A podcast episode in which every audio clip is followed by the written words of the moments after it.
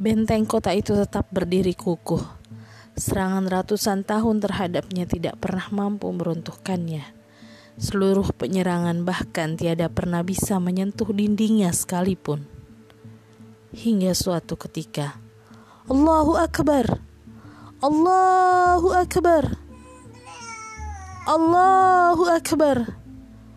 Wahai seluruh prajuritku, Benteng Konstantinopel telah tampak di hadapan kita.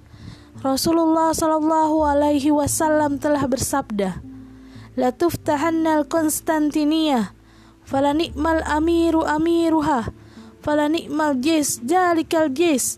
Sebaik-baik pemimpin dan pasukan adalah yang mampu menundukkan Konstantinopel.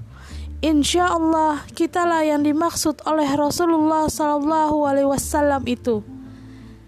Teriakan itu bergema di antara 200 ribu tentara Islam. Sultan Muhammad Al-Fatih, pemimpin pasukan itu, terus memompa semangat seluruh tentaranya. Sebagai pasukan terbaik, kita akan melakukan seluruh upaya terbaik. Malam ini, kita akan menaikkan 70 kapal perang kita melalui gunung ini. Ini harus kita tempuh karena jalan laut terhalang rantai yang sangat kuat. Esok harinya, mereka terus merengsek memasuki benteng Konstantinopel.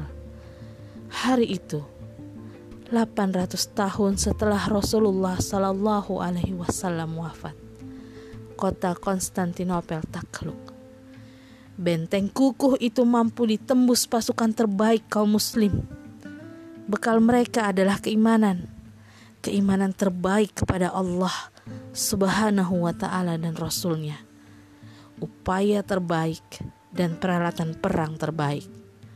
Pusat kekuatan dunia itu pun berubah menjadi pusat peradaban kaum muslimin.